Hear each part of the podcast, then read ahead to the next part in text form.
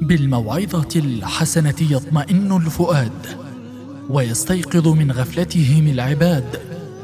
وبدروس ديننا العظيم تهدأ النفوس وتستقيم.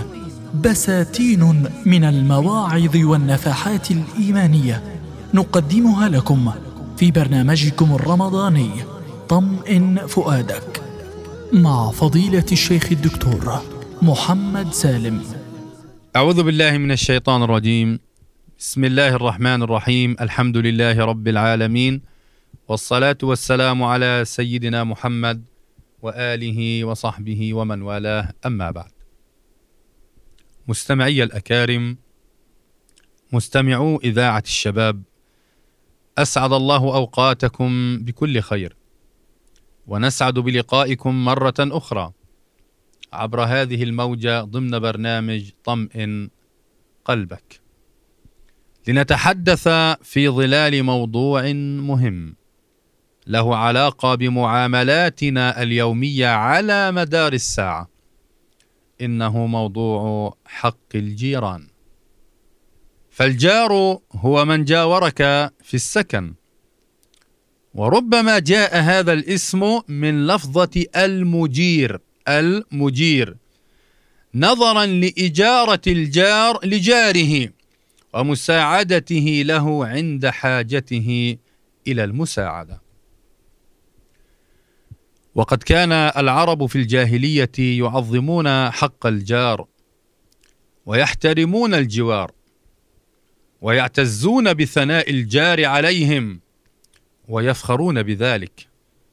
وكان منهم من يحفظ عورات جاره ولا ينتهكها.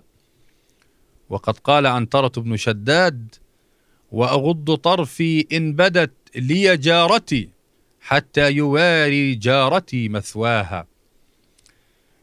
يدلل على حفظه لحرمة الجار وحرمة الجوار.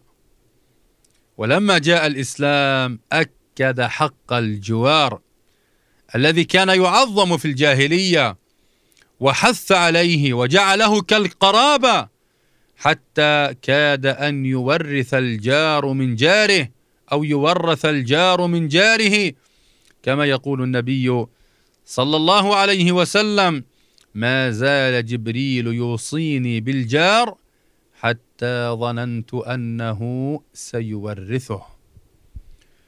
بل أمر الله بالإحسان إلى الجار بعد أمره بعبادته لعظم الجار والجيره أمر الله سبحانه وتعالى بالإحسان إلى الجار بعد أن أمر بأن يعبد سبحانه وتعالى. فقال واعبدوا الله ولا تشركوا به شيئا وبالوالدين إحسانا وبذي القربى واليتامى والمساكين والجار ذي القربى والجار الجنب والصاحب بالجنب وابن السبيل وما ملكت أيمانكم إن الله لا يحب من كان مختالا فخورا.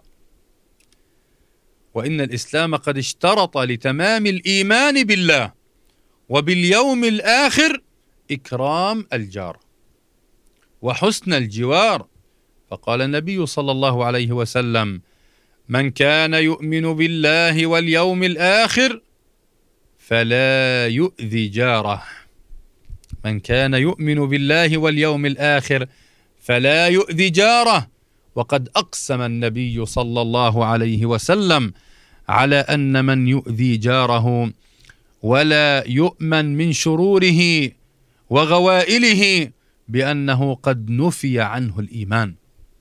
فقال صلى الله عليه وسلم والله لا يؤمن والله لا يؤمن والله لا يؤمن.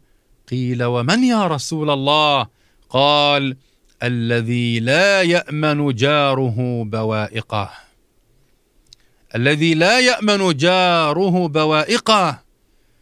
فلا نؤذي جيراننا أيها الكرام لا بعلو الصوت ولا بكثرة الصراخ ولا بوضع النفايات أعزكم الله في حد الجار ولا بأي شيء مادي أو معنوي. علينا أن نحسن إلى جيراننا لا أن نؤذي جيراننا. إن من اولو من أوليات دعوة النبي صلى الله عليه وسلم أنه أمر بحسن الجوار. وهذا جاء في قصة النجاشي ملك الحبشة. رحمه الله. حينما سأل وفد المسلمين المهاجرين إلى الحبشة قال لهم بما يأمركم؟ أي النبي صلى الله عليه وسلم. فقال جعفر بن أبي طالب رضي الله عنه وقد كان المتحدث باسم المهاجرين إلى الحبشة. قال فدعانا إلى الله تعالى. لنوحده ونعبده ونخلع ما كنا نعبد. نحن وآباؤنا من دونه من الحجارة والأوثان. وأمر بصدق الحديث وأداء الأمانة وصلة الرحم وحسن الجوار. وحسن الجوار والكف عن المحارم والدماء. وهنا نسأل سؤالا من هو الجار؟ الجار الموصى به بقوله تعالى والجار ذي القربى إنه الجار القريب الذي له ثلاثة حقوق حق الإسلام فهو مسلم وحق الجوار فهو جار وحق القرابة فهو قريب. فله على جاره حق وإحسان راجع إلى الدين وإلى العرف. وكذلك الجار هو الجار الجنب أي الذي ليس له قرابة ولكنه مسلم.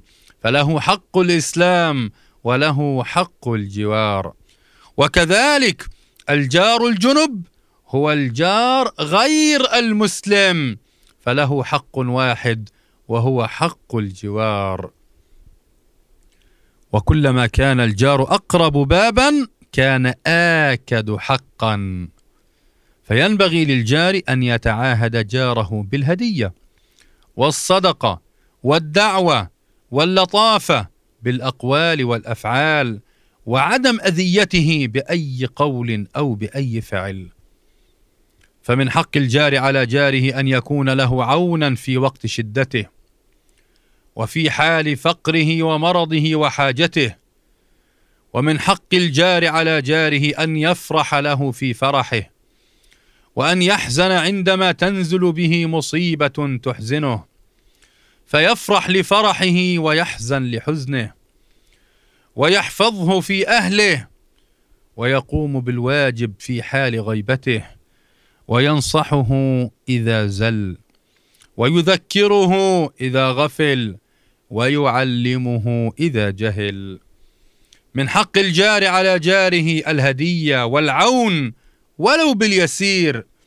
فقال صلى الله عليه وسلم يخاطب نساء المسلمين يا نساء المسلمات لا تحقرن جارة لجارتها ولو فرسن ولو فرسن شاة والفرسن ما دون الرسغ من من يدها. وقيل هو عظم قليل اللحم والمقصود هو أن نبالغ في الحث على الإهداء للجار ولو بالشيء اليسير.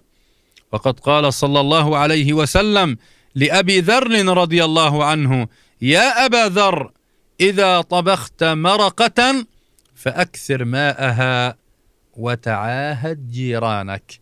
إذا طبخت مرقة فأكثر ماءها وتعاهد جيرانك. وفي الوقت الذي يؤكد الإسلام على الإحسان للجيران فإنه يحذر من إيذائه بالقول أو الفعل. لذلك ينبغي أن نتجنب الأفعال الآتية عندما نتعامل مع جيراننا ومنها حسد الجار وتمني زوال نعمته. لا يجوز الحسد الذي هو تمني زوال النعمة. ينبغي التحقير و... لا ينبغي تجنب التحقير والتقليل من شأن الجار. ينبغي تجنب إفشاء الأسرار والخصوصيات أمام الآخرين فالجار مطلع على كثير من أحوال جاره وأسراره وخصوصياته فلنتقي الله سبحانه وتعالى في ذلك. نتجنب إلقاء القمامة حول منزل الجار. نتجنب النظر إلى محارم الجار. نتجنب عدم ستر عورات الجار. فعنتر في الجاهلية تغنى بأنه يحافظ على حرمة جاره ولا يفضح ستره.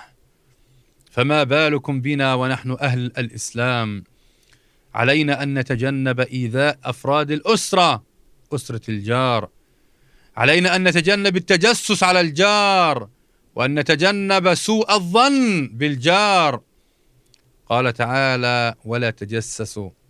وقال إن بعض الظن إثم. علينا أن نتجنب شتيمة الجار. نتجنب غيبة الجار. نتجنب النميمة. وهي نقل الكلام على سبيل الإفساد. علينا أن نتجنب الوقوف مكتوفي الأيدي. ونحن قادرون على مساعدة الجار. وهو بحاجة إلى المساعدة.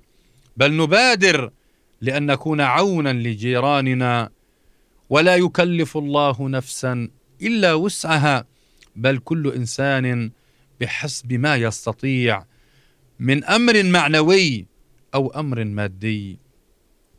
أيها المستمع الكريم نسأل الله أن يتم علينا نعمة الإسلام. وأن يجعلنا سندا وعونا وسترا لأهلنا وجيراننا والناس أجمعين. أحسن إلى جارك. أطمن قلبك. أطمن فؤادك. والسلام عليكم ورحمة الله تعالى وبركاته. بالموعظة الحسنة يطمئن الفؤاد ويستيقظ من غفلتهم العباد. وبدروس ديننا العظيم تهدأ النفوس وتستقيم. بساتين من المواعظ والنفحات الإيمانية نقدمها لكم في برنامجكم الرمضاني طمئن فؤادك مع فضيلة الشيخ الدكتور محمد سالم.